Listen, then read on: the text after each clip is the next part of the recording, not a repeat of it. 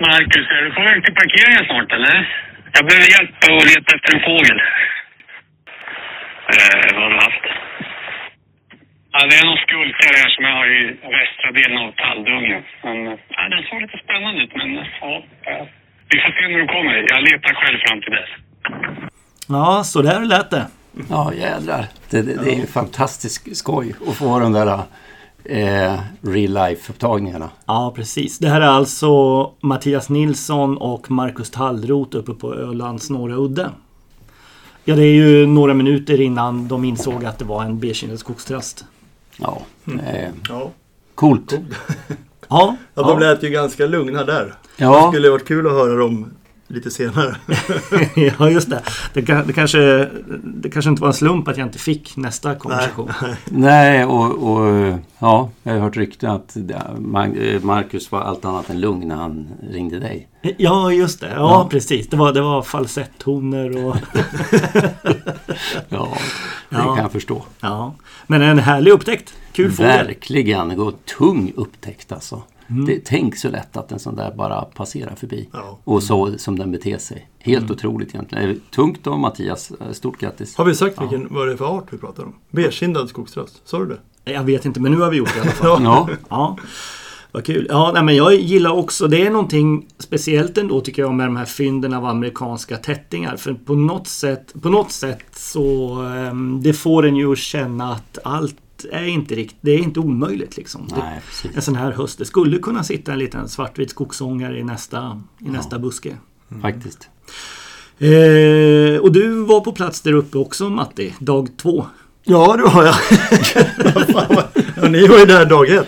Ja. Ja, ja, mina vänner åker upp. Det, var ganska, det är en ganska rolig historia. Att, eh, nej. jag jag Åh. skickade en liten fråga där efter lunch. Jag, jag får ju höra såklart sist av alla som jag kollar alla de där larmen. Och så, så skickar jag en fråga. "Ja, Ska ni åka på trasten? Eh, Så får man höra. Ja men eh, är vi snart där? Men, ja, jag kanske inte ska ta det så här men, men, men det måste vara första gången du har åkt på ett drag på 15 år. Ja, ja det var det nog. Det var det. Det roliga var ju att jag, jag frågade ju dagen efter via, och också via sms om är, är, är du på plats Mats? Ja. Då ja, jag åkte dit med min kompis Göran. Nej, just det, jag såg också. Min kompis Göran ringde och undrade om jag ville hänga med. ja, så kanske det var ja. Ja, men man, det är ju så. Några kompisar har man kvar. Ja. Nej, men jag var ju där. Eh, Ja, men det är lite roligt då. För en gång i tiden så har man ju varit på de här dragen. Men eh, tyvärr, det var ju jättekul på sätt och vis. Det är ju roligt man träffar folk som man inte har träffat på länge och så vidare. Men jag fick ju också uppleva, eller vi som, flera som var där, fick ju uppleva baksidan med de här dragen på skulkande fåglar. Mm, just det. ja. det var, jag vet inte hur många som var där dag två, men kanske 300 när jag var där. 300 personer. Och den var ju väldigt svår. Och alla höll sig in till en bilväg och den höll till i buskage, då, ganska täta buskage nära den här bilvägen. Och eh, där, än så länge höll ju sig alla i skinnet och hö- höll sig på bilvägen i princip. Men eh, sen då där, och, och alla blev lite uppgivna för att timmarna gick. Och folk började tänka, jag kommer nog aldrig få se den här fågeln. Och hoppar den fram, då kanske, då går det fort. Eh, så att, eh, och då plötsligt så hoppar den ju fram. Mm. Och det, utbry- alltså det blir en sån kalabalik. Alltså det är folk Folk springer, ställer sig framför, skriker, det blir otrevligt, de käftar emot. Och det gjorde de redan innan så gick folk i vägen och det började bli munhuggas och tjafs. Eh, på ett sätt som det var... Alltså jag skämdes nog fruktansvärt. Jag skämdes liksom. Du skämdes å deras Ja. vägnar? Nej, eller jag, du skämde, jag skämdes för att jag var för att jag var där, jag ens deltog i det där. Och att är, det här, är det här en hobby som jag är med och delar med de här? Nej, det blev liksom, ja det var en meltdown faktiskt. Det känns Så- inte som att du var med i en gemensamhet, en eufori. och- nej.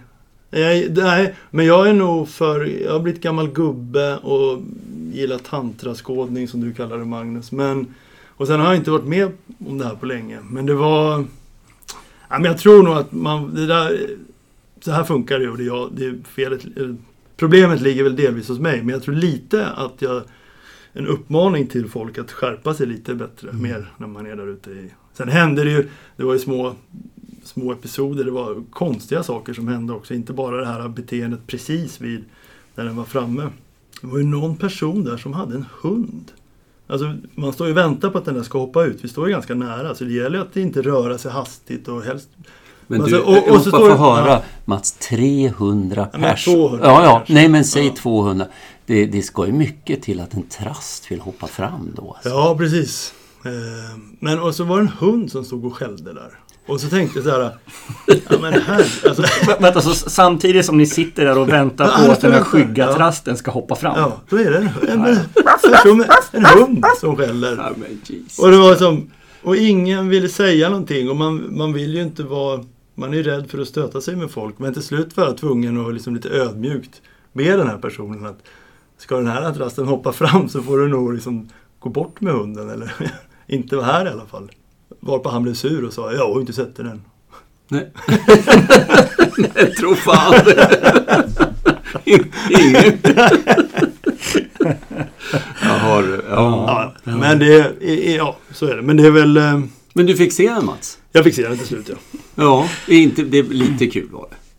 Ja, ja, jag tycker nog, ja det var kul. Det var kul att träffa gamla vänner där. eh, Mm. I lugn och ro. Man kunde stå och snacka innan och efter lite så här försiktigt. Men det var, det var, trasten var ju klart det är kul. Det där är en fågel, jag tror det var roligt i och med att det är en fågellokal som man ofta är på. Då Mm. blir det extra kul tycker Det är jag. ju så. Hade den varit i Gislaved hade jag aldrig åkt. Liksom. Det var... Alltså jag, jag, kan inte, jag kan inte släppa tanken på att ehm, alltså det, det är svårt att inte se kopplingen här att, att din surmulenhet kommer liksom två veckor efter du har fyllt 50. Men Det, det, jag är, ju, nu- det är liksom jag som representerar ungdomen här inne Jo, nu. Och men då då skulle jag vilja jag- säga att jag hade en ganska hormonisk... Eller, harmonisk Förstår ju vad, förstår ju vad din eh, fågels, fågelintresse har för grund. Ja. jag hade en harmonisk kväll. Ja. Jo, jo, men det förstår jag. Men jag kan säga att min kompis Göran Holm då, som, jag, som ringde och frågade om jag ville hänga med.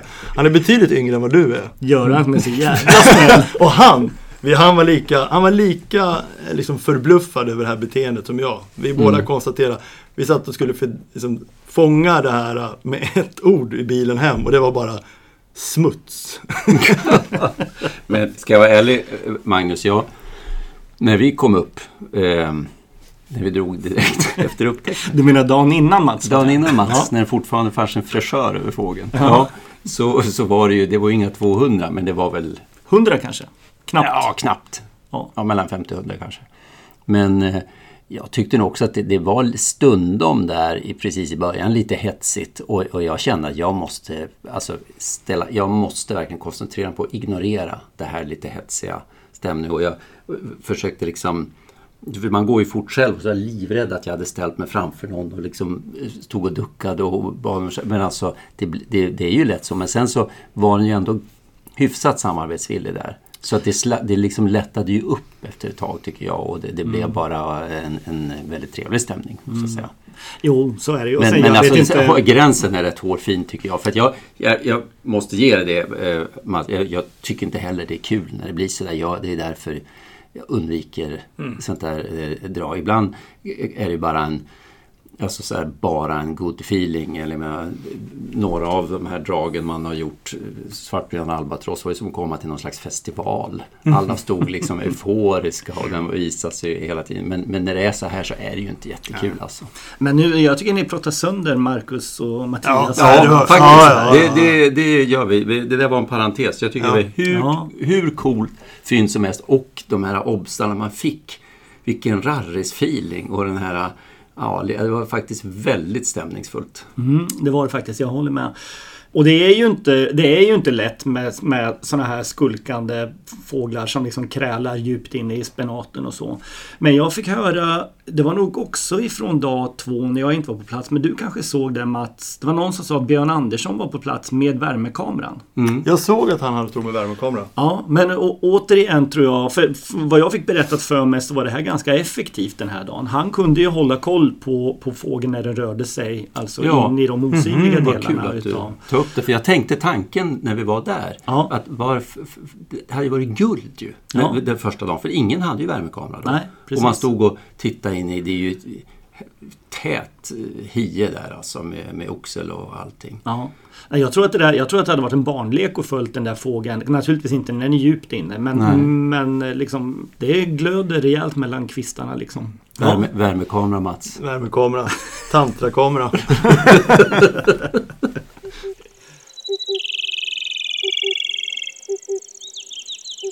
Men eh, jag tänker att vi kommer tillbaka lite grann strax igen till eh, de här, eh, den här nordamerikanska hösten. Ja, Men innan dess, eh, Matti, så hade du några dagar på västkusten också. Ja, precis. Ja. Eh, Jag var där eh, det var ingen som ringde och hörde om man ville följa med. Jag var där på semester. Jag bodde hos några vänner i, några kompisar som jag har, icke-skådande kompisar i Halmstad.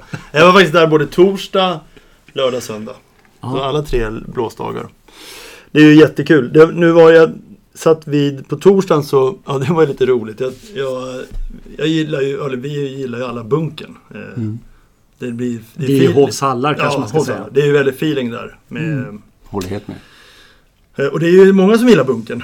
Och det innebär att ska man ha plats där, för det är inte många platser. Blåser det så är det en 10-12 platser. Mm. Och, och, så jag tänkte jag ska vara där tidigt. Jag drog i 20 över ett från Kalmar på morgonen. tänkte det var först. Och så kom jag där. Och då var det ingen bil så jag stod där i mörkret när jag kom fram.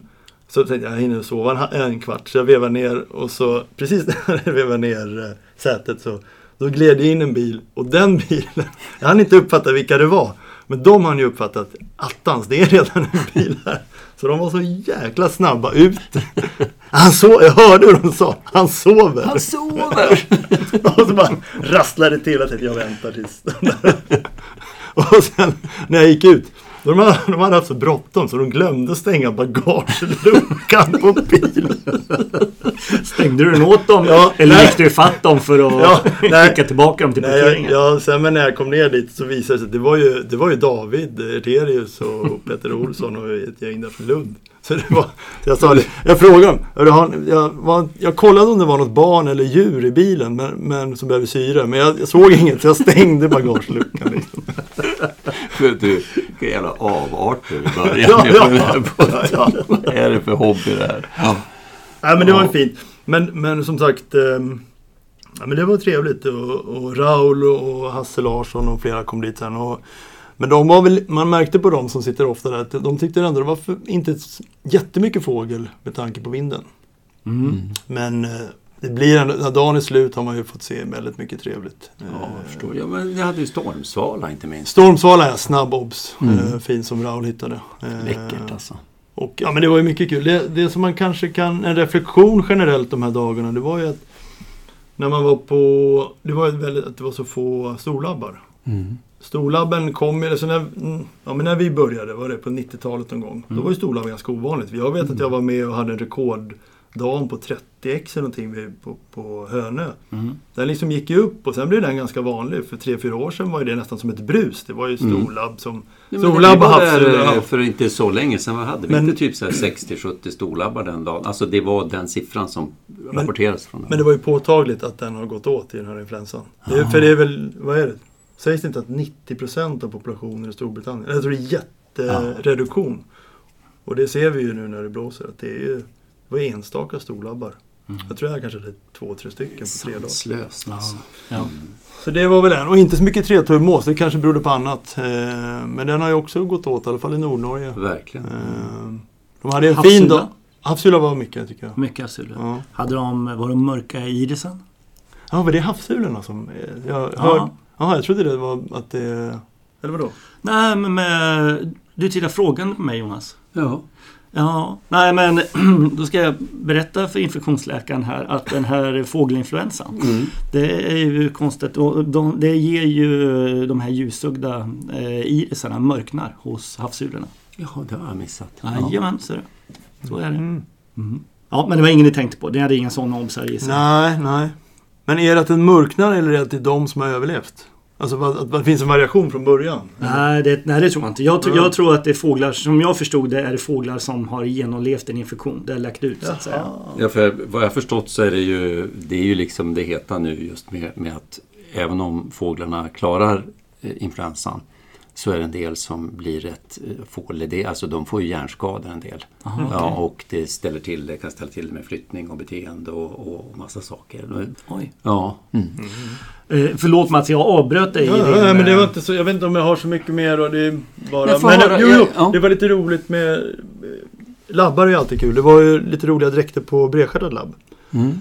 Dels så fick jag en ungfågel fint någon dag där som gick, eller, gick- eller fint men på ett läckert sätt i alla fall. Den gick aldrig in i bukten, den höll en ganska nord-sydlig kurs. Eh, då satt jag längre ut på Bjärhalvön. Men eh, sen var det ju en gammal brälle utan klubbor, en fin sån. Som, det är ändå intressant att se dem, hur stöddig blir man när man ser en sån. Eh, och sen kom det den här, eh, som läckraste kanske som jag tycker, som, jag, som i kroppen och dräkten ser ut som en 2K-fågel men hade ganska fina klubbor. Mm. Den finns ju, vi kan länka de bilderna. Det finns ju folk som har både filmat och fotat. Ja, är udda faktiskt. Men den är lite udda. Den borde ju, det här med åldersbestämning av labbar, eller subadulta lab- labbar är ju inte lätt. Men den här är ju väldigt eh, outfärgad. Den har lite ljus buk men väldigt mörk i frampartiet på kroppen och huvudet. Och jag trodde först det var en 2K-fågel men, men undrar om det liksom, det som är konstigt är att den har väldigt utvecklade klubbor och frågan är, kan 2K-fåglar ens ha det på hösten? Ja, det Det känns givet variationen hos kustlabbarna. Om man extrapolerar och tänker att eh, variationen ser likadan ut hos bredlabb. Mhm. Då, då känns det inte som att klubborna borde vara en smula mer pålitligt än vad liksom, Mm. den allmänna dräkten är. Sen tror jag att i och med att de har ju så labbar, alltså gamla labbar har ju en, har ju en vinterdräkt. Som kan vara mer eller mindre som solkig. De går in, Mm. de byter ju, vissa byter ingenting förrän de kanske kommer ner i, på övervintringen. Men en del vi, kan ju liksom ha en ganska gråsolkig framkropp som de får under senhösten, vintern. Sen ruggar de igen i april. Så de har ju två ruggningar under vinterhalvåret. Och, kan, och jag tror även att de här subadulta har två ruggningar. Så även då, låt säga att det är en 3K-fågel som kanske har varit snyggare. Nu i oktober skulle kunna bli liksom retardera Mm. i liksom... Men det jag undrar, det har jag inte riktigt sett på din bild och de andra bilderna. Var vingundersidan vattrad eller är den bara mörk? Det var svårt, den såg vattrad ut. Alltså var Mm. det, jag, det var därför jag liksom i fält tänkte att det var så tydligt vattrad tyckte jag. Och därför Ja. jag gick igång. Men Ja, för det är, kan- mm, för, för är den inte det, då tycker jag vi kan glömma två Ja, på, så ja, att säga. ja, mm. Ja, men det är. Ja. Det där är ju kul och eh, eh, ja, stå och trixa med liksom. Ja. Men det, jag vill bara en, återkomma. Hur, eh, det var en snabb obser, stormsvala Ja. och, och sitta. Men, men eh, Jo, men det var ju kul. sen- höra. Ja, f- För alltså, vad var eh, det jag blev intrycket då? förvånad över är ju eh, bara alltså att den gisten den har. Mm. Den är ju som en liten den är som en fladdermus. Alltså Ja. det är ju inte... Eh, en stormsvala är ju... Det är klart den har liksom, kan ha snabba vingslag men den är liksom eh, inte alls på samma sätt. Nej. Du menar en klyckstjärtad? Klygstjärtad ja, förlåt. Ja. Klygstjärtad har ju ett annat flyktsätt. Ja, Eh, ja. Och det var ganska påtagligt. Mm. Eh, tyvärr var det ju för snabb obst. Eh, och Mm. lite för långt ut. Det hade gärna varit bättre. Men eh, det var liksom... För jag, fick se, jag såg nog i alla fall totalt fem, sex olika klykor de här dagarna också. Mm. Eh, så att, Kul. eh, ja. Fina obsar. ja, flera fina obsar. Mm. Ja, riktigt Ja. skojigt. Ja. Läckert.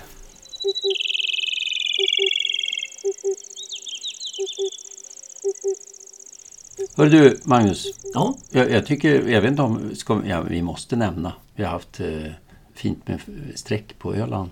Jag hade ju den stora dagen. just det. Det glömde jag helt och hållet. Ja, Var tar vi avstamp i det här egentligen?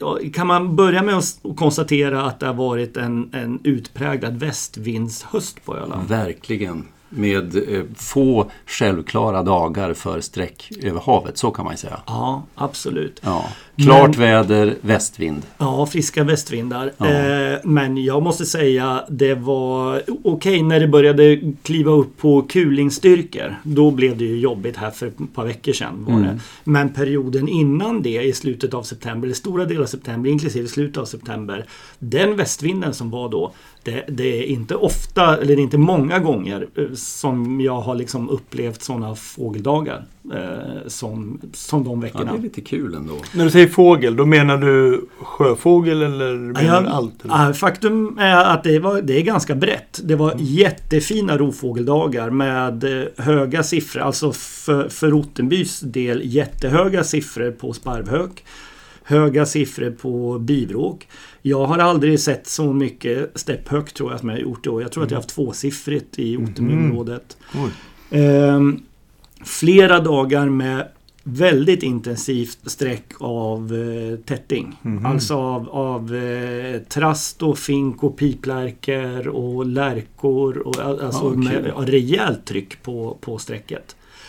Och, och sen inte minst den här otroligt fina prutgåspassagen. Ja, det, det, det, precis 5 oktober ehm, var det. Och, och det hade ju, så det var precis i början på oktober och hela september var ju, var ju extremt varm. Det, det, det kan ju säga att just på Ölands södra udde var ju medeltemperaturen i september varmare än både juni, juli och augusti. Ingen, så det säger någonting. Så det var ju väldigt varmt länge. Men sen, och det var faktiskt eh, ända till där den veckan så var det också rätt varmt uppe i Vita havet där mycket av, av våra sträckande sjöfåglar ändå kommer ifrån. Inte minst prutgässen, de, de stannar ju upp där inför den, den långa resan mot övervintringsområdena.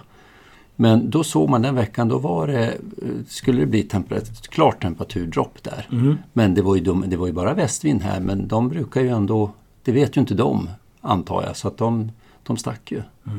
Och kanske lite tidigare än, än vad man kunde tro, men sen så stötte de ju på patrull då med den här friska västvinden så att det gick ju trögt för dem. Men det blev ju Ja, vad var, nu har jag glömt bort, men det var ju en av de absolut bästa dagarna. Var det den eh, femte bästa prutgåssträckdagen i Sverige tror jag på hösten genom tiderna? Oj. Ja, var det inte så att vi summerade inte vi det här till vad var det, 32 000? Jo, tack vare... På hur många dagar? En dag. En dag. Den Fe- Den femte. femte gick till 32 000 och det är siffror framförallt från Berra och, och Göran Andersson. Mm, och dagen Och- efter så gick det ju drygt 10. Ja. Gjorde det, 1000. Mm. Eh, Så nästan 45 000 prutgäss på, på två dagar. Mm. ja, det är riktigt, riktigt bra. Och de efterföljande veckorna nu, ja, fortfarande än idag. Jag tror aldrig jag sett så mycket prutgäss rastande i Ottenbyområdet. Nej, precis. Och, och Är det sen- mycket ungfåglar? Ja, Ja, jag mycket. tycker faktiskt det är mycket ungfågel. Och de, de första, när, första dagarna när prutgässen började sträcka så var det ju inte så mycket. Men sen tycker jag nog att det, mm, en- det måste ha varit ett bra år för att det, är- jag tycker det är mycket ungfågel. Sen tycker jag kanske att det var, med tanke på att det trots allt Ja, vi var ju ute de här dagarna, räknade in de här, vad det nu var, 45 000 gässen. Mm. Eh, det, var, det var ingen jätteutdelning på... eh, Alltså okej, Nigrikans var väl okej. Gick det fyra stycken de här dagarna eller? Ja, jag tror det. Ja. Mm. Eh, men, men Rota? Mm, Det var- nej, det var inte jättemycket. O, o, otippat låga Mm. antal tycker jag. Fyra Ja. gick det en på 10 000 Nigrigans ungefär. Vad sa ni? Hade ni 40-50 Mm, ungefär? Jag Ja. hade ju två fast eh, på kanske... eh, Jag hade två på 10 000. Och då, och då var det ungfåglar också med? I, alltså ungfå, det, var, det var 10 000, hur mycket ungfåglar? Ja, men jag, jag, jag har inte... Jag, Ja men jag 5 uppskattar- procent eller? Fem? Nej! Är det Mycket mer? mer. Mycket mer ska jag vilja säga. Det är nog Åh, uppåt fan. 20 procent, 20-30 procent ungfåglar. 5 oktober. Det är tidigt med så mycket ungfåglar. Ja, vad kul. Ja men alltså, då, ja, Ja, okej. äh, alltså, för, ja, så här. Den dagen ska jag låta vara osagt för det var en väldigt speciell dag att, att, att kolla på. För det, alltså det var ju klart väder. Frisk västvind och, och som sagt eh, jag var ute där på förmiddagen och det, jag hade ljuset rakt i ansiktet. Så att, så att där ska jag låta det vara osagt. Jag, jag, jag ser mer som ett snitt över hösten när det gäller ungfågelsandel. Det är givetvis att det var mindre från början. men nu jag tänkte bara, men vi slarvigt då, en nigerkans per 10 000. Mm. Det ska vara. Ja, men någon, någonstans där då. Mm. Mm. Och sen var det ju några stycken nigrikans som, åtminstone två, kanske tre, som, upp, som sågs rastande sen i prutgåsflockarna Mm. nere på udden. Jag hade ju en dag innan också. Ja, så Mm. det- det är lite svårt att veta om man ska addera Ja. dem eller om det var några utav dem som räknades in på streck också. Men Det är ungefär vad jag har höftat, alltså en på 10 000. Gam, Mm. På gamla då, man Ja, räkna på. ja, precis. Ja, Råta då?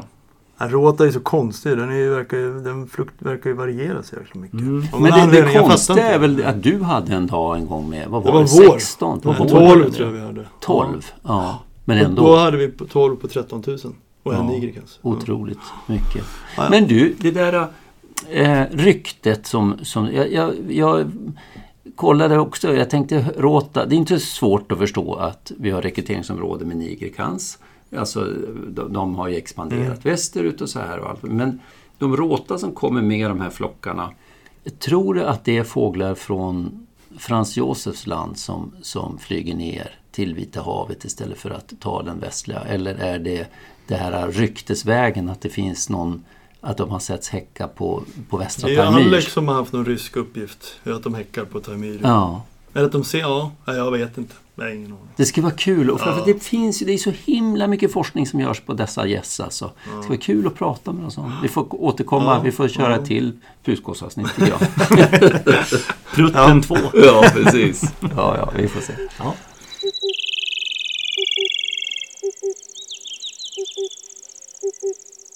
Hörrni, ni kan väl knappast ha missat det här liksom inflödet av amerikanska småfåglar under hösten va?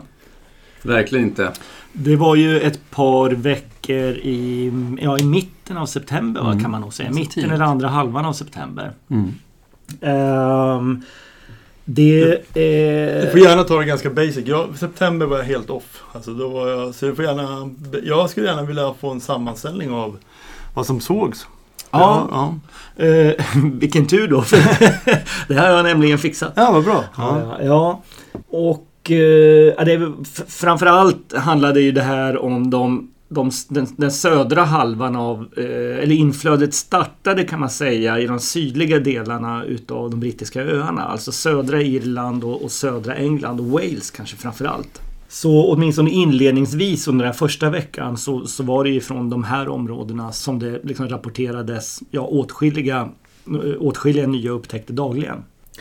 Och sen ju, ju längre fram eh, man kom här i september desto mer spridde det sig norrut också och till slut så fick ju Shetland sin beskärda del också.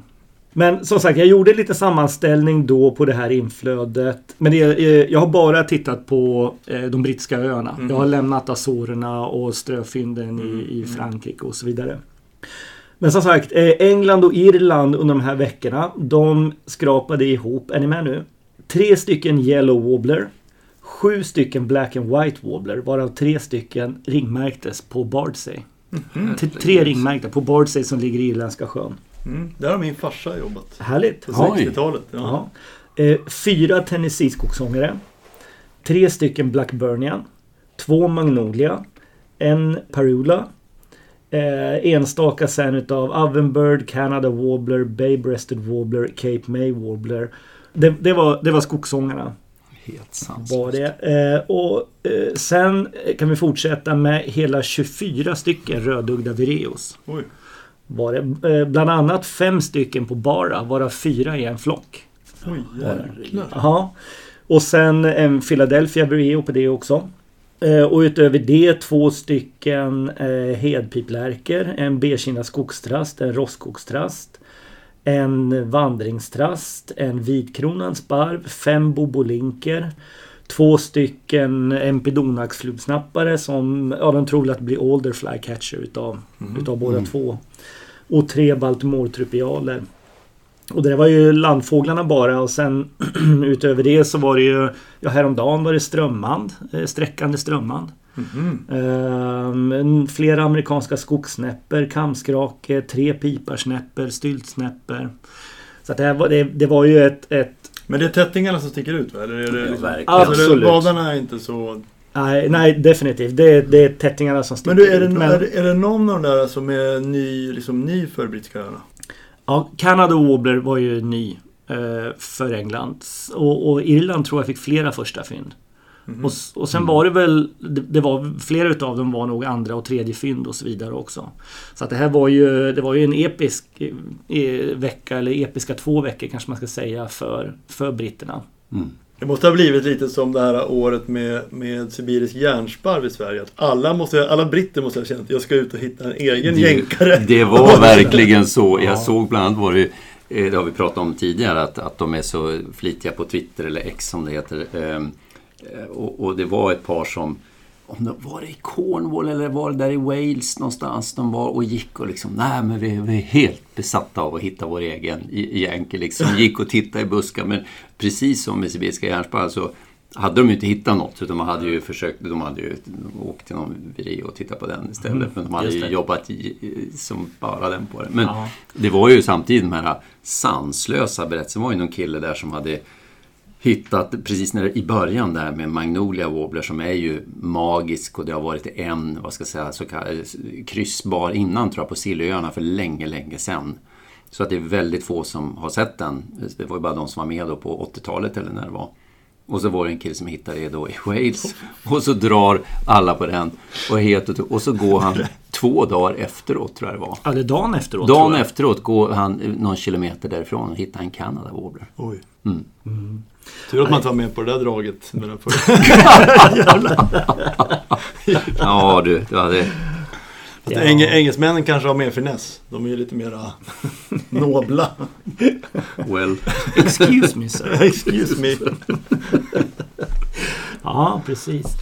Eh, och, men jag tänkte Jonas här, för jag vet att du har läst lite grann Faktiskt. om eh, folk har spånat lite om tänkbara ja. orsaker till det här inflödet. Och precis, och jag tyckte att det var eh, väldigt eh, plausibelt den förklaring som, som eh, jag läste var en som också en brittisk skådare, Alex Lees, som la ut på, på X om Alltså själva grunden är ju givetvis den här eh, stormen eh, som, som var, vad var den hette nu igen? Hurricane Lee. Ja, det var Lee. Ja, Hurricane ja. Lee. Det var ju liksom efter svepningar av den som var föregick precis det här äh, inflödet och många hade ju förväntat sig att det skulle dyka upp amerikanska tättingar när det var under den här tiden när mycket av flyttningen pågår och det var en osedvanlig passage där. Men som han sa, vad är det som Hurricane Lee, vad är det som solstormar och en, en liten vecklare har gemensamt? Så han, han drar det här ett steg längre för han sa att redan innan den här stormen så var det exceptionellt uppträdande av skogssångare ut efter eh, Nordamerikas nordostkust. Och det finns också, jag tror vi kan länka, jag tror den ligger på Youtube, några eh, såna här crabfish fishing boat som är ute på kusten och hela deras fiskebåt är helt nedlusad med skogssångare. Oj. Och det är ju då eh, mulet väder och så. Va? Och teorin är också att när då det var så mulet, de har liksom inte stjärnor och, och sol att orienteras efter utan man får gå på kompass. Och så är det också en tid med ovanligt starka solstormar så att eh, kompassriktningen eh, kan bli rubbad alltså i, i så, mm. så fåglar känner den. Och utöver det så har det varit en en väldigt, eh, eh, vad ska jag säga, en, en högsäsong för en liten vecklare som heter Spruce Budworm. Eh, och det, alltså det har man sett tidigare i inventeringar i Nordamerika att de, de år som de, eh, vad ska jag säga, får sådana här hyperår så blir det massa av de här små flyna och då går skogsångarpopulationerna upp. Eh, och så att det var en, en, en ett, ett stark ungfågelproduktion i år på grund av det här uh, Spruce Budworm. Jag vet inte om de har ett svenskt namn, jag tror inte det. Det är någon typ av vecklare mm. i alla fall. Mm. mm. Så att alla de här tre sakerna samverkar nog och får det här uh, uppträdandet som ju saknar motsvarighet ju någonsin. Mm. Men samtidigt så, så, eh, så är det lite tragiskt slut på den här teorin för att han sa också att det här med, är det så att eh, vi fortsätter, vilket trenden är ganska tydlig, att vi får mer av den här typen av hurricanes under, tidigare på hösten, under mm. prime sträcktid. För att du kan ju bara tänka hur många, säkert miljoner av sångare som har drunknat i Atlanten. Mm, och det här blir till slut kan bli populationspåverkande. Mm. Så att eh, så, så, är det nog. Ja, men vi, vi får länka till den här videon också som du mm. berättade från fiskarna. här. Jag tror att det var utanför Maine va? Ja, så kan det ha varit. Mm. Mm, precis. Det var, den var ju ganska fascinerande. Det var ett gäng fiskare som, som berättade att, att de och deras föräldrar hade varit med om något liknande.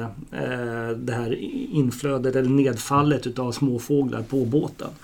Och jag tror, om jag minns rätt så satt eh, i, i medan som pratade så kom det en, en parula och landade i huvudet på honom. Mm. Mm. Mm. så, så, att det var eh, någonting anmärkningsvärt hade ju hänt mm. så att säga där ute i alla fall.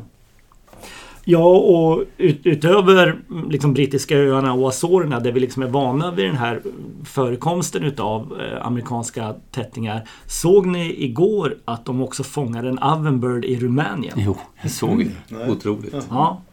återigen, som sagt, kan det hända där kan det hända överallt.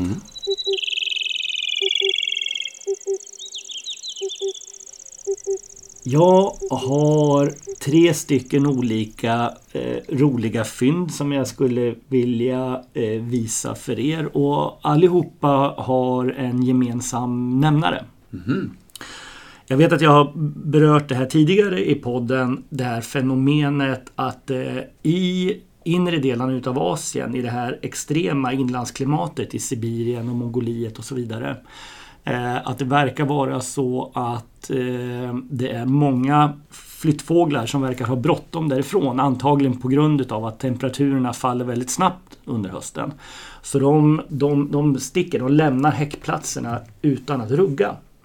Alltså ungfåglar och gamla fåglar lämnar häckplatserna utan att rugga. Och det är ju, det är ju ovanligt. Tittar vi i Europa så är det ju ytterst sällsynt. I princip alla arter har ju en postjuvenil eller en post-breeding-ruggning så att säga eh, under sensommaren innan höstflyttning. Så att man, man lämnar landet mer eller mindre nyruggad då. Eh, men som sagt, i, i Sibirien verkar fåglarna ha så pass bråttom eh, så att det är många arter som sticker därifrån i juvenildräkt eller i en sliten adultdräkt. Eh, sen pausar de ofta halvvägs ner till övervintringsområdena och där genomför de den här ruggningen istället. Innan de sen fortsätter ner till övervintringsområdena i södra Asien. Och under de sista veckorna nu här så har vi haft tre stycken roliga fynd eh, och roliga exempel på det här fenomenet. Ni har säkert sett de här fåglarna ni också på, på sociala medier. Och vi kan börja med eh, Norge. Tänkte jag. Såg ni att eh, utanför, var det Bergen eller Stavanger? Utanför Bergen var det va? Jag tror det var Bergen. Ja. Men jag är osäker. Just- Nej, just det. ja, just det. Mm. Mm, att de för, är det en dryg vecka sedan, två veckor sedan, att de hittade VPs andra eh, sibiriska flugsnappare. Den som tidigare kallades för sotflugsnappare i Sverige. Just det. Mm. På engelska Dark-sided Flycatcher. Det första fyndet gjordes för några år sedan, kan vara 10 år sedan, på Island. Det är nog 15 år sedan, för det, det fyndet låg ju som eh, en grå flugsnappare i några år innan en islänning fattade misstankar så att säga. Det var också en juvenil fågel, precis som den här norska fågeln. Eh, jag, kan länka, eller jag länkar ut bilder eh, senare på alla de här tre individerna. Men det är väldigt roligt. Ni ser att det är en riktig sån här vitfläckig eh, bounge. Liksom, typisk flugsnapparunge. Liksom, Mm. är det. Och just sibirisk flugsnappare. Kommer ni ihåg i förra avsnittet att vi pratade om att jag, att jag aldrig har sett någon gammal halsbandsflugsnapparhanne? Ja, just det. Vi hade ju motsvarande problem med det här eh, med sibirisk flugsnappare under åren i Beidasjö och nu även i Mongoliet. Vi lyckades ju under hela Kina-projektet och under bokförfatteriet så lyckades vi ju inte skrapa fram en enda bild på en handhållen gammal sibirisk flugsnappare på hösten. Ingen utav fångstplatserna som vi pratade med i, i, i vid Baikal, fångstplatserna i Mongoliet, nere i Kina eller i Korea, eh, Sydkorea och Japan. Ingen utav fångstplatserna jag pratade med där borta kunde liksom bidra med bilder på gamla eh, sibiriska flugsnappare på hösten. Men i år nu så våra vänner i Church i östra Mongoliet. De fick sin första gamla adulta sibiriska flugsnappare. Eh, I september var det och även den var helt oruggad. Eh, alltså, i, i, den, de, även de lämnade alltså i sliten adult dräkt. Flyger säkert halvvägs ner någonstans i norra halvan av Kina eh, och genomför där post-breeding-ruggningen och sedan fortsätter ner mot övervintringsområdena. För i Hongkong, det vet jag att de sen anländer i nyruggad fräsch adultdräkt. Mm. Ja, så det var, det var nummer ett där. Lite kul tycker jag. Sen så häromdagen eh, så fångades det en eh, rödbrun sparv i Frankrike. Ja, just det. Ja, även den precis likadan juvenil dräkt. Ni ser fortfarande juvenil vinge, vinge med de här tydliga juvenila teckningarna i mellersta täckarna. Mm. Svåra att könsbestämma. De går ju inte att könsbestämma så länge de är juvenila så att säga. Ehm, och de senaste fynden vi har i Europa utav rödbrun sparv, de har ju sett ut Mm. på, på precis så här. Den tredje och sista fågeln som jag har att visa här är eh, Ja, ja, ett första fynd för Kanada. Den här fågeln fotograferades i eh, British Columbia längs med Stilla havskusten. Mm. Eh, En, en sävsparv av någon, eh, någon sort som renderade en diskussion på, på sociala medier. Var det en vanlig sävsparv eller var det en dvärgsävsparv? Jag tror, om jag förstod det rätt så var oavsett vilken det var så tror jag att det var ett första fynd för Kanada. Och det var ju flera personer som noterade bland annat avsaknaden utav ljus övergump och sa att det måste vara en, eh, det måste vara en, en, en, en sävsparv. Mm. Men, men ehm, Flera namnkunniga men sen, ja just sen det. dök en ännu mer Ja, ja. namnkunnig spelare upp på arenan. Ja, men eh, som sagt, den här fågeln, man ser ju utav själva, alltså själva fjäderdräkten ger ju ett juvenilt intryck. Även om vingen är svår att se på den här bilden så ser fjädrarna strukturlösa och fluffiga ut. Och eh, det, det här ser ju ut helt enkelt som en juvenil dvärgsävsparv. Och även dvärgsävsparv hör ju till de här arterna som lämnar häckplatserna i juvenil dräkt. Och i den juvenila dräkten så finns det ingen ljusövergump. De är, de är streckade på det här sättet. Så att det, det, det, kom ju en, det blev en hel del så att säga, diskussion kring, kring den här fågeln och tyvärr så försvann den ju. Men som tur är så en vecka eller två veckor till och med kanske senare så hittades samma fågel igen 15 mil söderut. Oj. Ja. Strax väster om Vancouver. Ni vet ute, det finns en liten stad som heter Victoria strax väster om Vancouver. Utanför Victoria hittade de den här igen då. De. Och då fick de ju fina bilder. Och här då framgår ju väldigt tydligt att det, det är ju en helt juvenil vinge på den här fågeln också och det är juvenila kroppsfjädrar. Det Och är så här, som, eh, som den på, på Horsten. Ja, just det. Exakt. Precis. Ett lite parallellfall till Horsten. Och så här beter sig ju inte sävsparvar. Jag känner inte till några sävsparvpopulationer som, som lämnar häckplatser i juvenildräkt. Och eh, som sagt, det, till, till slut så nådde man ju konsensus. Det, det, det är ju en, en, en fin dvärgsävsparv.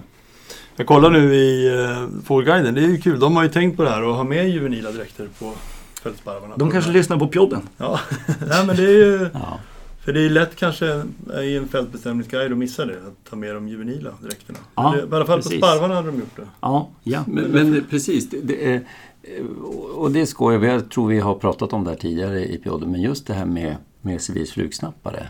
Det tror jag innan du berättade och det här, jag vet inte om vi har pratat om det här men du har, vi har pratat om det vid sidan av podden kanske. Men just det här med Islandsfyndet och, och att de flyttar juvenil.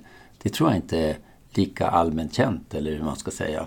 Eh, och tas väl, hur är det i, i fälthandböckerna? Det är väl lite sådär va? Sibirisk flug, den är så pass ovanlig så den Ja. finns nästan, det finns nästan aldrig avbildad i de här, inte i, i våra västpalearktiska böcker i alla fall. Nej. Där minns jag ett gammalt fynd av dvärgsällsparv från England. Mm. Som också är juvenil. Som de skrev om att den var juvenil. Ja, från Fair Isle tror jag det var. Svartvita ja, bilder. Ja. Ja, ja, Jag tror, eh, vet du vem som hittade den? Nej. Bill Oddie tror jag. Jaha. Ja, vilken, vilken klassiker. Ja, nej, och när det gäller embrytsasparvarna eh, så det, det är ju fyra arter som det här händer hos. Eh, det är dvärgsärrsparv, gyllensparv, gulbrynad sparv och rödbrun sparv. Hos de här arterna ser man det regelbundet. Det, det, det är liksom regel snarare än undantag att de lämnar häckplatserna oruggade. Men du, intressant när du tror det har att göra med en kort teckningssäsong. Det är sen vår och tidig höst i... Ja, det här är min, det är på- min amatörgissning. Jag har ingen Ja, belägg det, det för låter ju inte så tokig förklaring ju. Nej, nej. Spännande. Mm. Mm.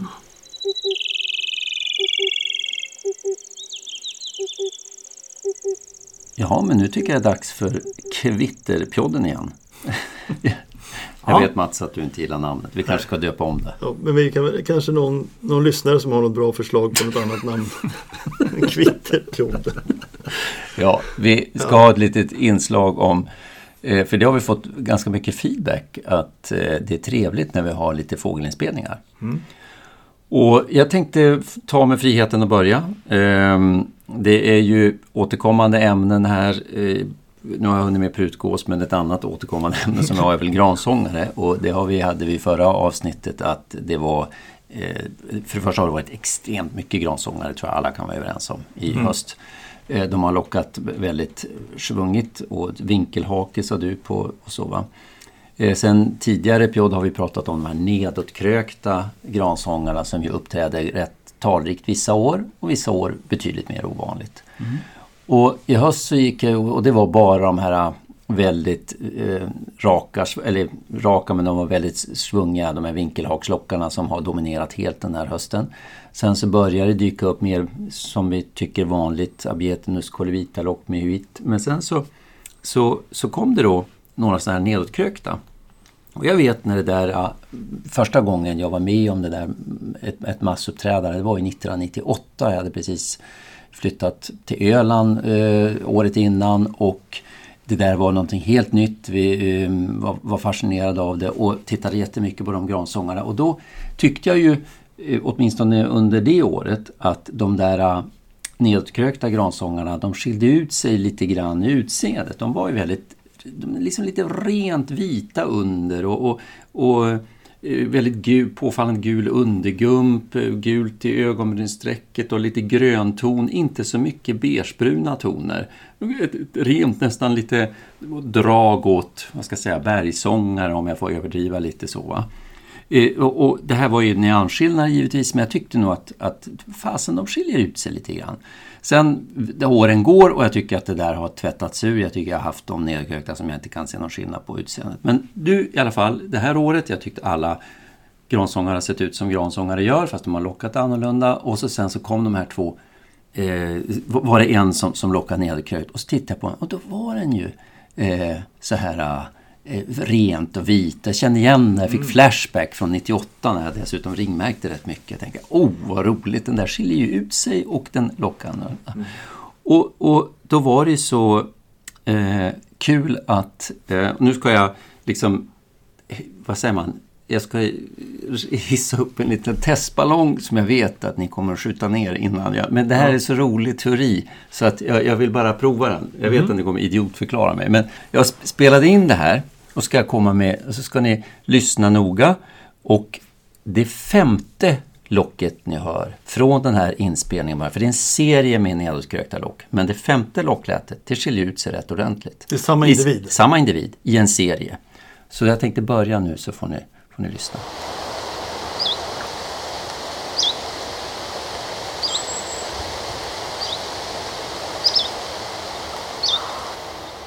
Hörde ni? Ja, ja, det gjorde vi. Vad lät det som? Tillvitt. Ja. Jag fick lite flashback från förra avsnittet. Exakt! Lite Lundsångarlikt va?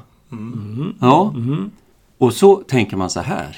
Det här är givetvis en, en ungfågel och en gransångare som har vuxit upp nära i, i område där det häckar lundsångare och så är det lite mimikry här mm. så den får in. Mm. Så att det kanske är ett specifikt geografiskt rekryteringsområde för, som är österut för de här nedåtkrökta lockarna. Ja, just det. I frisk, ja, visst. frisk västvind. ja.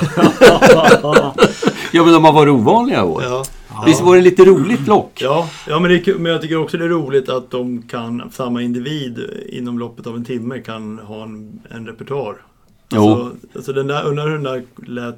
Ja, jag kan undrar säga hur att... konstant den där är sen, om den skulle kunna jag kan lägga ut hela serien och den varierar en del. Ja. Absolut, den är nästan genomgående men det är ju andra, förutom det här väldigt aparta, ja, lite ja, Lundsångarlika, mm. som också faktiskt på det är väl inte klockrent Lundsångare ska jag vara ärlig på sonogram, men man, med lite livlig fantasi kan man trycka in den i någon slags ja. sånt. Och så, men... eh, så, så, varierar den ganska mycket mot slutet av serien. Mm. Men kan lägga ut den. Ja, men det Får man, eh, får man skjuta ner din väderballong nu? Ja, ja. varsågod.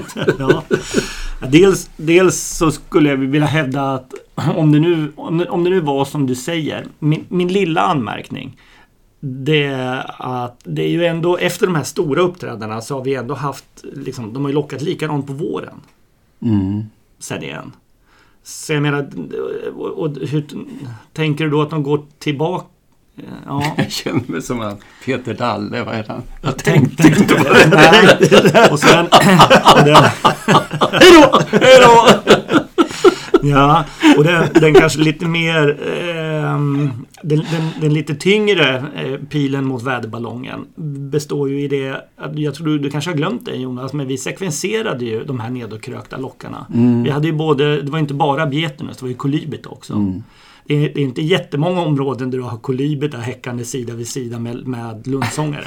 Nej, det, Nej. men om jag säger så här då. Det, det, det, eh, jag, jag visste att du skulle skjuta ner det här och det är med fog. Men det som ändå kittlar är att den här fågeln och jag vet att det var så 98. Det finns det här utseendet. Varför är det så här? Jag kan inte släppa det riktigt att några av de här har ett distinkt utseende, de här gransångarna som man är. Det hade varit väldigt roligt att få sortera ut dem och sekvensera dem. Då kan jag mer köpa. För jag, är helt, jag har också haft eh, alla de här åren emellan de här 25 år som har gått efter 98 har det varit ganska många nedkrökta som ju inte ser alls avviker utseendemässigt. Nej, nej. Det var roligt Jonas, men jag kan heller inte låta bli någonstans Känns det inte lite undligt att, att du liksom du förbiser lock nummer 1, 2, 3 och 4 Ja, men- och det är bara nummer det- 5 som låter som lundsångare? Men- Jo, ska- jo, men, men det är ju så, vad fasen, en, en, en, eh, en alltså mimikry, den är ju sällan konsekvent. Det är ju så att den kan ju varva.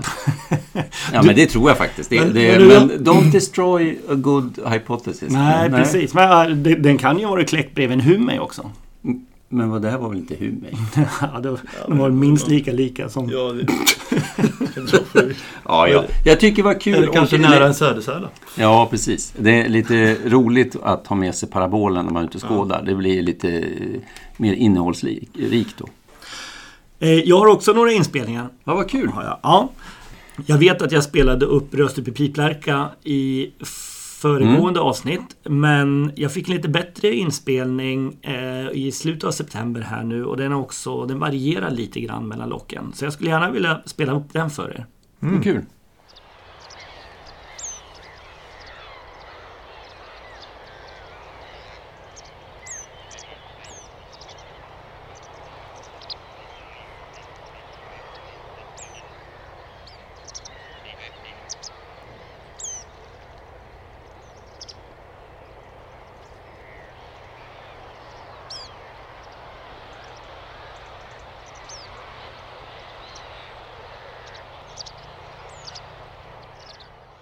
Ja, vilken fin inspelning. Och, och kul. Ja, verkligen. Ja, och lite olika liksom, eh, entusiasmnivåer Mm. här i, i locken också. Precis. Mm. Det är lurigt för ibland så har den bara den där äh, inte så... Inspirerade. Nej, och då, då är det ju, kan man ju tveka ibland. Men det, är- jag tycker faktiskt de gånger man tvekar så där man var så är det ju rödpipen då. Alltså, ja, absolut. ja. absolut. Ja. Hur ofta hör ni varningslätet från rödpip på sträck? Jag, jag har aldrig hört Jag hört varningsläte. det heller. Jag, jag, jag, jag måste blotta min okunskap. Jag, menar du... Ja, det man hör på häckplatsen liksom, är. Jag har aldrig hört det på häckplats. Hur, hur, är, hur är det? Ja, men den, har, den är liksom ett ganska käppande liksom. Ett, eh, det är inte som ett sytt eller liksom ett... eh, Titt, titt på Ja, ängspip. nu kommer jag inte ihåg. Jag kom, men vi hade mycket på tundran. Men det är en stav, alltså ängspips varningsläte i dubbelstav. Ja, men det är liksom inte ens... Det är liksom mera... Det är hårdare liksom. Det är inte... Och det där är motsvarigheten till sittet hos, Ja, precis. träpipen? Ja, precis. Ja, ja, okej. Ja, jag, jag har aldrig hört det. Vad jag vet. Nej, jag Också jag också har man gått förbi det utan att reagera på det. Ja. Sen har vi ju våran eh, fasta mikrofon som sitter på taket på fågelstationen. Det. Även den har ju haft eh, några rödpip eh, överflygandes under hösten här.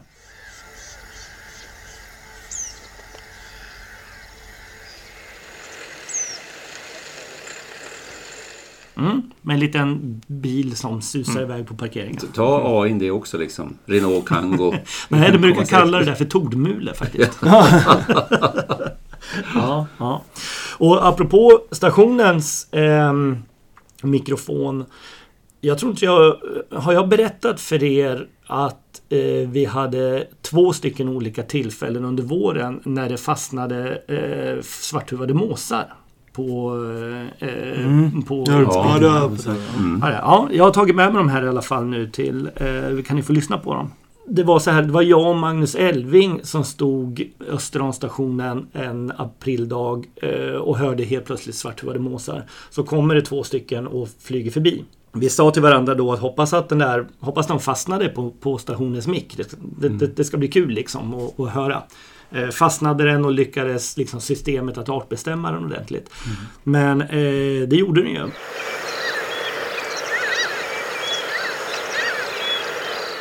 Oj, vad läcker. Det var ju speciellt med vårfeeling så här i... Men inte nog med det, för när jag gick in och tittade sen på eh, datafilerna då hittade jag eh, en post som också var döpt till Svarthuvad mås dagen innan. En, en, en kort inspelning, men den, den kommer här. Ni får vara beredda för det går lite fort. Oj, ja, Ja. det är ingen snack. Nej, verkligen. Superkul. Det sista jag har att spela upp för er är en av höstens få taigasångare. Som vi hade eh, nere i Fyrträdgården. Och ni vet ju hur det är med taigasångare. De kan ju få riktigt tuppjuck ibland. Eh, Ja, kan vara väldigt tysta också. Mm. Ja, ja, det kan de också vara. Den här var inte det.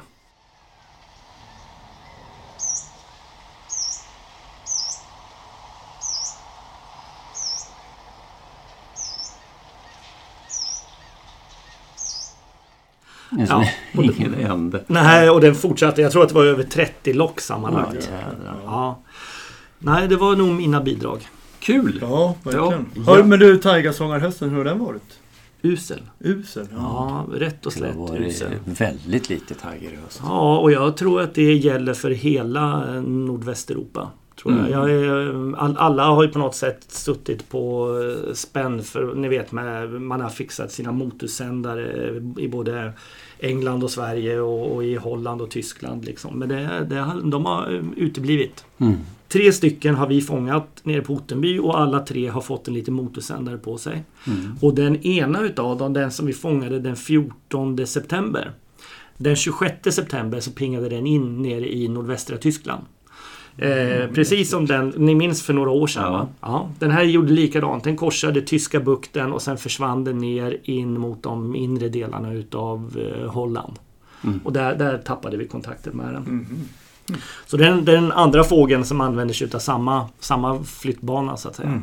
Är, det- är det etablerat något, något övervintringsområde som är, vad ska jag säga, där det är lite extra mycket? Jag vet att det görs ju fynd på vintern nu och, och övervintrande fåglar i Sydspanien och eh, Kanarieöarna och sådär. Men, men vet man, är- det något som det är liksom lite mer?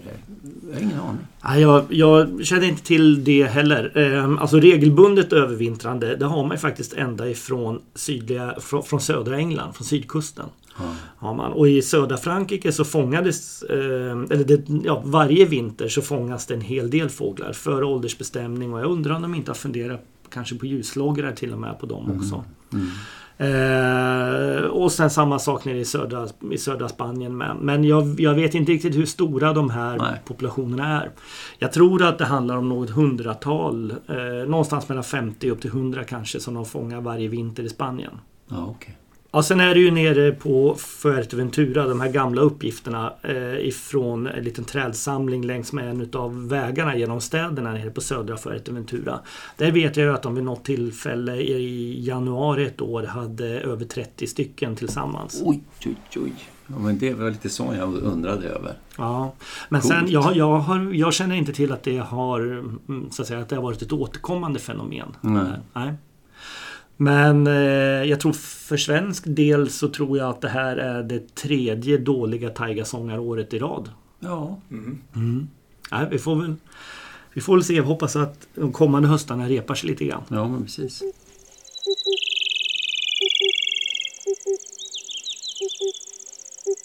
Hörni, i det förra numret utav Dutch Birding så kom det en väldigt rolig rödstjärtartikel.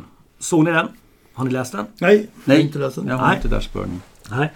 Det är återigen de två författarna Vincent van der Speek och eh, Nicolas Martinez. Eh, De har ju publicerat ganska många artiklar nu om östliga svarta rödstjärtar och om hybridrödstjärtar. När jag säger hybrider nu så menar jag alltså eh, hybrider mellan svart rödstjärt och rödstjärt. Ja, just. Ja, ja. Eh, och den här nya artikeln, man kan väl säga att den fokuserar på tre olika saker. Dels så har de testat eh, de här karaktärerna som de menar separerar hybrider från östliga svarta rödstjärtar. Eh, och de här eh, karaktärerna som har testats och publicerats i eh, eh, tidigare artiklar har de nu eh, tröskat igenom på en ganska stor mängd fåglar. Över 200 individer som de har samlat på sig ifrån, ifrån Europa. Så det är den ena grejen. Eh, den andra grejen är att de för första gången som jag känner till i alla fall går in och beskriver skillnader i lockläten mellan de olika svarta rödstjärtpopulationerna och även gentemot hybriderna då. Eh, och den tredje grejen är att de eh, tittade lite noggrant på fenologin. På fynden utav östliga svarta rödstjärtar och fynden utav hybrider i Europa.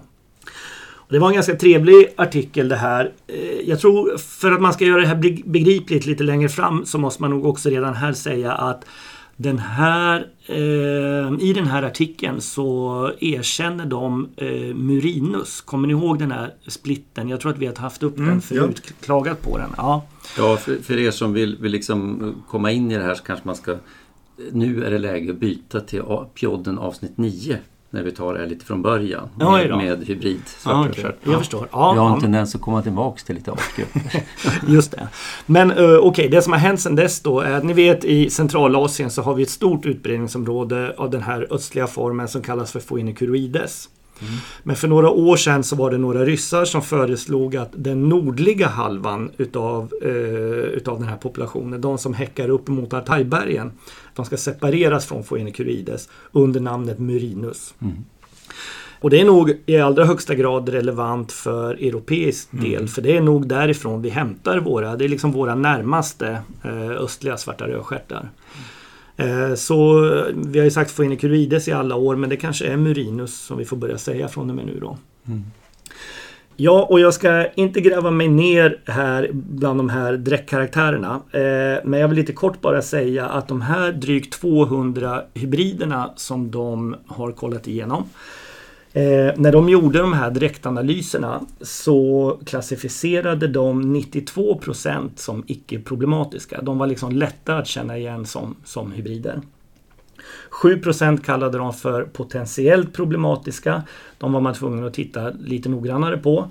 Och 1 procent kallade de för problematiska, klart problematiska. Och där var det i princip bara vingformen som, som skilde de här hybriderna ifrån östliga svarta rödstjärtar. Ifrån Murinus alltså. Mm. Så eh, har man en potentiell östlig eh, svart rödstjärt framför sig så se till att få bra bilder på vingformerna för det kan det kan skingra de sista tvivlen så att säga. Men du, ja, du kanske har med det, annars har jag en fråga. Mm. Ja. ja, men det är den här Murinus då. Har de lite nya hårda grejer att gå på hur vi skiljer ut den från de andra Funicurides? För det vore ju spännande om vi mm, kan liksom eh, ja. hur vi, vad vi ska titta på. Just det. Så här kan man säga att på hösten i de här fräscha dräkterna när vi ser dem hos oss. Då är det supersvårt eller kanske till och med nästan omöjligt eh, om vi pratar dräktmässigt. För det som skiljer dem åt är egentligen att eh, Murinus, de nordliga fåglarna, har ett lite ljusare grå eh, mm. huvud så att säga. Eh, går man lite längre söderut inom Phoenicurides område så, så blir de svartare. Och det här ser man egentligen inte under hösten i de här fräscha dräkterna. Eh, men det där för oss in på locklätena ifrån de här. För där skiljer det däremot.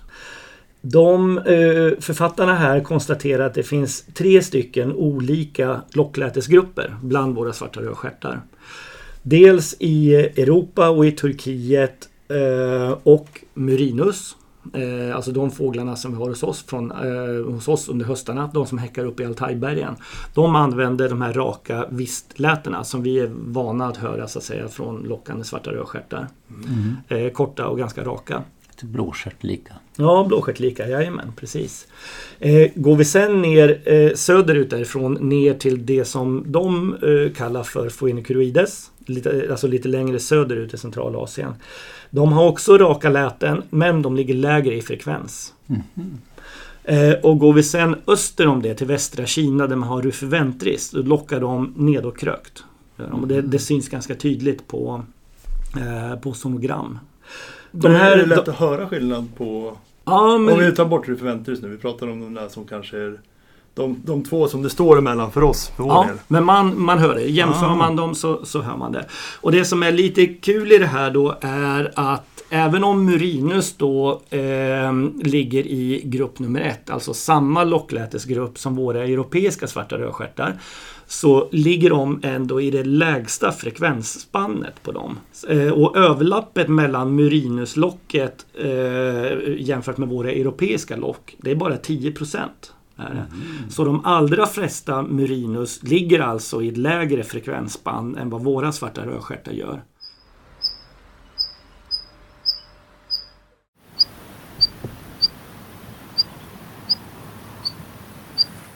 Och det här är ju lite intressant tycker jag för det innebär ju i princip också att man teoretiskt sett skulle kunna hitta stöd för att bestämma honor också. Honor som ser spännande ut.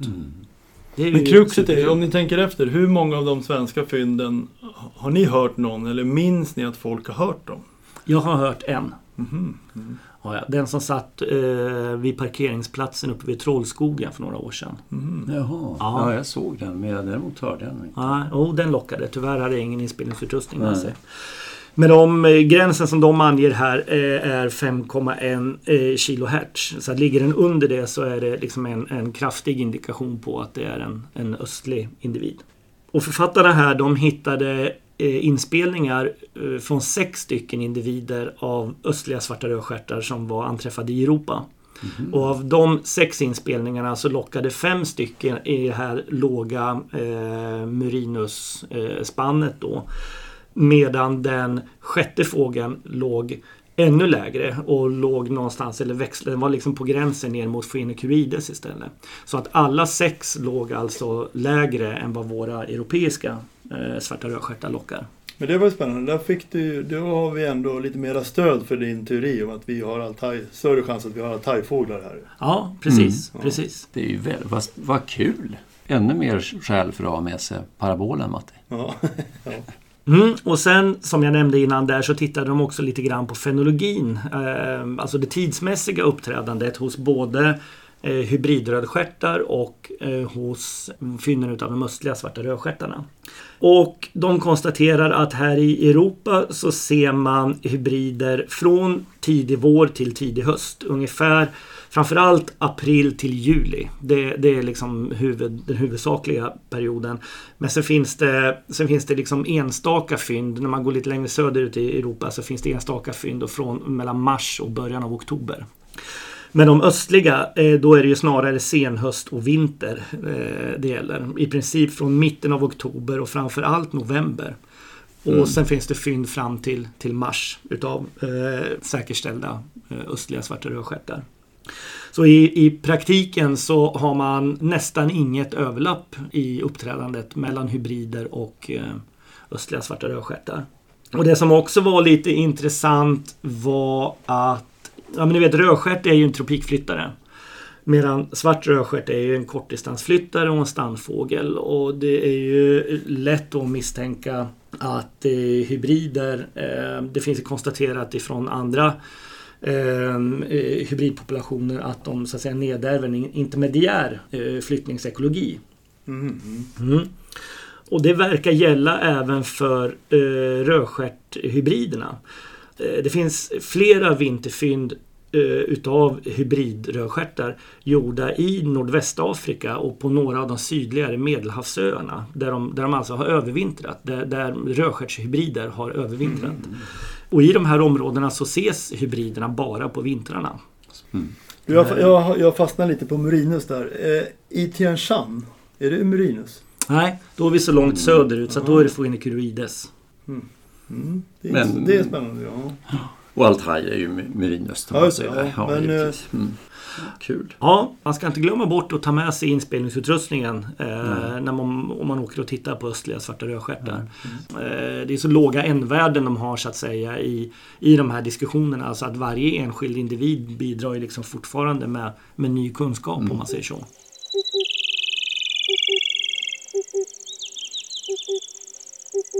Jaha Mats, vill du börja Ja. den här gången? Vad har du inte kunnat släppa? Jag kan ha pratat om det här förut, men jag, inte, jag vet inte. Eh, Är det Bekina skogstrast och en hund nej, igen? nej, nej, nej, nej. Det handlar om eh, tärnor.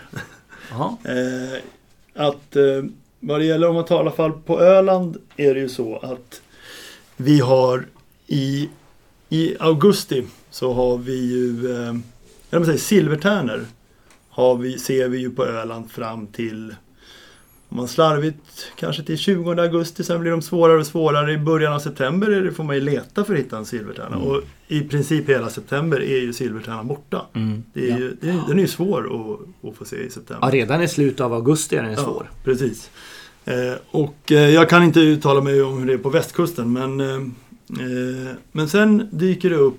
Har man en tärna i, runt, i mitten av oktober på Öland då är min, min bild är att det är minst lika stor sannolikhet att det är en silvertärna som att det är en fisktärna. Kanske till och med större Håller med. sannolikhet att det är en silvertärna. Ja, du menar de extremsena Extremsena tärnorna? tärnorna. Ja. Eh, det borde ju vara logiskt att det skulle vara en fisktärna egentligen som man har om man har en tärna i mitten av Mm. oktober. Mm. Jag hade två idag. 18 oktober. En ung och en gammal. Vad? Silvertärnor? Se- En Oj. gammal också? Mm. Helsike, det var ju tungt. Mm. Jaha. Ung och gammal. Så. Ja, ja. På För- revs, Revsudden? Ja, Ja. liten bit bort och de- de släppte som obestämda men jag var det- 95 procent säker på, och, och inte minst med ledning av ungfågeln. Det, det såg verkligen ut som Ja. silvertärna tycker jag. Men min, frå, min, min undran är varför, är varför är det så? En teori skulle ju kunna vara att, eh, att det där är fåglar som har eh, kläckt väldigt sent av någon anledning. Eh, Mm. Och- För, för det, det kan jag säga, jag blev lite paff. Jag var ju i slutet av augusti var jag ju på Svalbard och det var ju, det var ju flyga silvertärneungar. Men väldigt många, det är ju, det är stora kolonier med silvertärnor. Vilket datum tar du? Slutet på augusti. Ja. Och, men det var ju flera små dunbollar, alltså jättesmå ungar. Men då undrar jag om det är vanligare. För att nu när jag var då i söndags i Båstad hamn så var det två silvertärnor som hade fastnat där. Två unga silvertärnor. Jag hade sett någon fisktärna dagen innan faktiskt, så det var ju även fisktärnor. Men det var ändå kul att det var... Och den ena av de här silvertärnorna, den... Den eh, som silvertärna kan se ut precis liksom på häckplats när de blivit flygga så har ju de ett puder i dräkten. Näbben är fortfarande röd. Den svartnar ju väldigt fort hos silvertärna. Men eh, som ni ser på den här bilden, nu ser man inte, men den här var väldigt rödnäbbad och har det här eh, bruna pudret kvar. Det här är alltså, ja, vad var det för datum i 12 oktober. Eh, så att det här skulle ju kunna vara en, en, en sån som är, det kanske är en av dina dunbollar i, i augusti som nu då, av någon anledning så kanske det är vanligare att silvertärnor har väldigt sen kläckning. Det borde ju så, för annars skulle man kunna säga, ja men det borde väl lika stor sannolikhet att fisktärnor har sena kläckningar. Medan vi pratat här så kollade jag upp på min telefon. Jag, jag har ju en digiskopad silvertärna nu från 22 augusti i år på Svalbard där den ligger och har alltså en pingisboll till dununge under sig. Så liten är den 22 augusti på Svalbard. Så det, det är ju, jag tänkte ju när man såg det här så kommer den uttaget bli flyg. Ja, fast tror ni inte svaret på det här ligger helt enkelt i de här fåglarnas utbredningsområden? Eh, alltså silvertärna är ju också arktisk. Det är ju inte fisktärna. Och har du sena häckningar utav silvertärnor, de har ju liksom en, en potential att bli åtskilliga veckor eller till och med månader senare i den passagen söderut. Hos fisktärna ser det inte riktigt ut så. Utbredningsområdet når ju inte lika långt norrut. Så de tömmer ju också av snabbare. Ja, men, men det, det, det är ändå konstigt att det är ett... Kanske, Ja, ja, fast ja, samtidigt har du det här glappet som är konstigt. Precis. Det händer ju, Ja men okej, då säger jag säger så här då. Det kan kanske bli mer begripligt. Om vi tittar på silvertärnor och fisktärnor som häckar i Östersjöområdet. Båda två kan ju ha, båda arterna kan ju ha eh, så att säga sena häckningar. Det må vara hänt. Men, men eftersom de häckar i vårt närområde så påverkar inte det ankomsttiden eller passagen förbi oss jättemycket. Det är några veckor hit eller dit.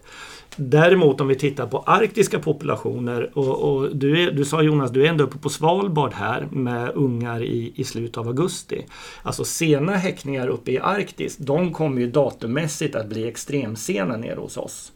Det blir de ju inte hos fåglar som, som häckar längre söderut. Fast jag Men då, då, inte skulle det, då skulle det i så fall vara så att de arktiska fåglarna, arktiska silvertärnor, de passerar inte Östersjön. Då går de, då går de Atlanten ner eftersom, vi, eftersom vi inte får klinen. Det är precis får, det jag menar. Så vi får några enstaka av de här arktiska som kommer in i vårt vattensystem. Så det- tror jag att det är. Ja, ja, ja. Så tror Fast- jag att det är. Och det här ordinarie tärnsträcket som vi ser, det tror jag vi hämtar ifrån mer närbelägna populationer. Det, det är möjligt att det absolut är så för jag har svårt att... För silvertärnsträcket kommer så pass, så pass tidigt ju. Och att, att, eh, men det som slog mig ändå, som jag tycker var intressant, det var hur en, i en koloni, hur enormt stor skillnad det var på hur ungfåglarna såg ut. Allt från flygga fåglar till Alltså det måste ju, det, det är ju åtskilliga veckor som det skilde i, i när det är kläckt alltså. Och det fick jag inte riktigt ihop. Så brukar det inte vara om man är på häckningshö i Östersjön eller Bottenviken. Vad spännande. Du får lura vidare på det där Ja, Matti och äh, återkomma. Jonas? Ja, jag har väl inget eh, märkvärdigt fast jag tyckte det bara var kul. Jag tror att det, det har varit väldigt eh, närvarande på sociala medier men ni har säkert sett det också. Men jag tyckte det var lite spännande med de här två dvärgsnögässen som först sågs i Norge. Just det. Ja, det var och, så, kul. och en av När dem var sågs de i ju... Norge? Oh, det, Ja, men det är, Det är inte länge det sedan. Är, jag tror att det är senaste veckan till Ja, allting har hänt nu. De upptäcktes i Norge, eh, rastade där eh, i södra, sydvästra Norge och så sen så, eh, så sågs de sen på sträck i Jylland, eh, sydvästra Jylland, Mandö, sen i Holland, sen in i Belgien. Eh, så de har följt dem. Och i, i Norge så kunde man ju då läsa av ringen. För det var en vanlig ring, det var ingen sån här eh, typisk djurparksring eller någonting utan det var en, en aluminiumring. Eller, st- och, och eh, man såg ju, tror jag, tre siffror på den eller någonting. Och, och det stämmer ju in på en, alltså att den är märkt i Nunavut i norra Kanada. Oj, oj, oj. Ja, så det är ju en, en eh, riktig vagrant så att säga. Det är ju fantastiskt häftigt ju. Ja, riktigt coolt. Ja, och, och, eh, och så börjar man ju tänka på, och det har inte jag riktigt koll på men reflekterar alltså. Det blir ju spännande hur man ska se med de här fynden. Jag menar vi har haft kanske motsvarande fall med roständer där, där vi länge eh, bedömde dem som icke-spontana. Sen, sen fick man ju, eh, dels var det ju någon liksom invasionsår, man började lära sig ett uppträdande och man förstår att det här är mycket genuina varianter. Och vi har ju andra fåglar som ju vi vet i allra högsta grad är, är vilda rödhalsade gäss, fast det förekommer ju uppenbarligen också tama rödhalsade gäss som har, har, har spritt sig från djurparker. Och det vet jag, det finns ju fotade dvärgsnögäss från Öland bland annat med en sån här djurparksring på, en blå plastgrejer. Men det har väl också varit fynd. Jag vet, jag träffade Janne Hägg idag som sa att han hade sett ensträckande med vitkindad i Bösten i Ottenby. Mm, just det. Mm. Jag kommer ihåg den. Ja, jag, jag har lite vagt, men det är ju, det är ju coolt ju. Ja, riktigt roligt. Ja, jag har också en jättekort grej här. En sak som jag tyckte var lite kul. Ni vet ju, eh, det är ju ganska mycket som upptäcks, mycket udda saker som upptäcks utav allmänheten nu för tiden. Och, och så läggs det ut i sociala medier. Vad är det här för någonting? Och, och, ja, så kommer det till allmän kännedom.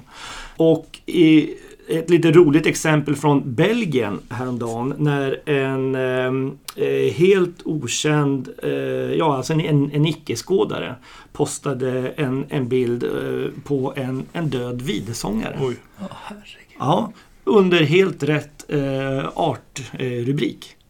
Eh, och det visade sig att den här eh, personen hade tagit bilden och kört den genom en sån här AI recognition grej. Och den hade spottat ut det som videsångare. Oj. Hade den. Otroligt, Ja. vad läckert. Då var den ändå död. Eh, ja, precis, precis. Nej men ni ser. Det, eh, var det, en fönster eller var det en katt? Eller vad, vad vet de det? Nej. Nej, jag vet inte det. Jag vet inte det. Det, bara, det slog mig bara att de här algoritmerna vässas liksom. Verkligen, Ja. gör ju det. Ja. ja, men tack så mycket hörni. Tack själva.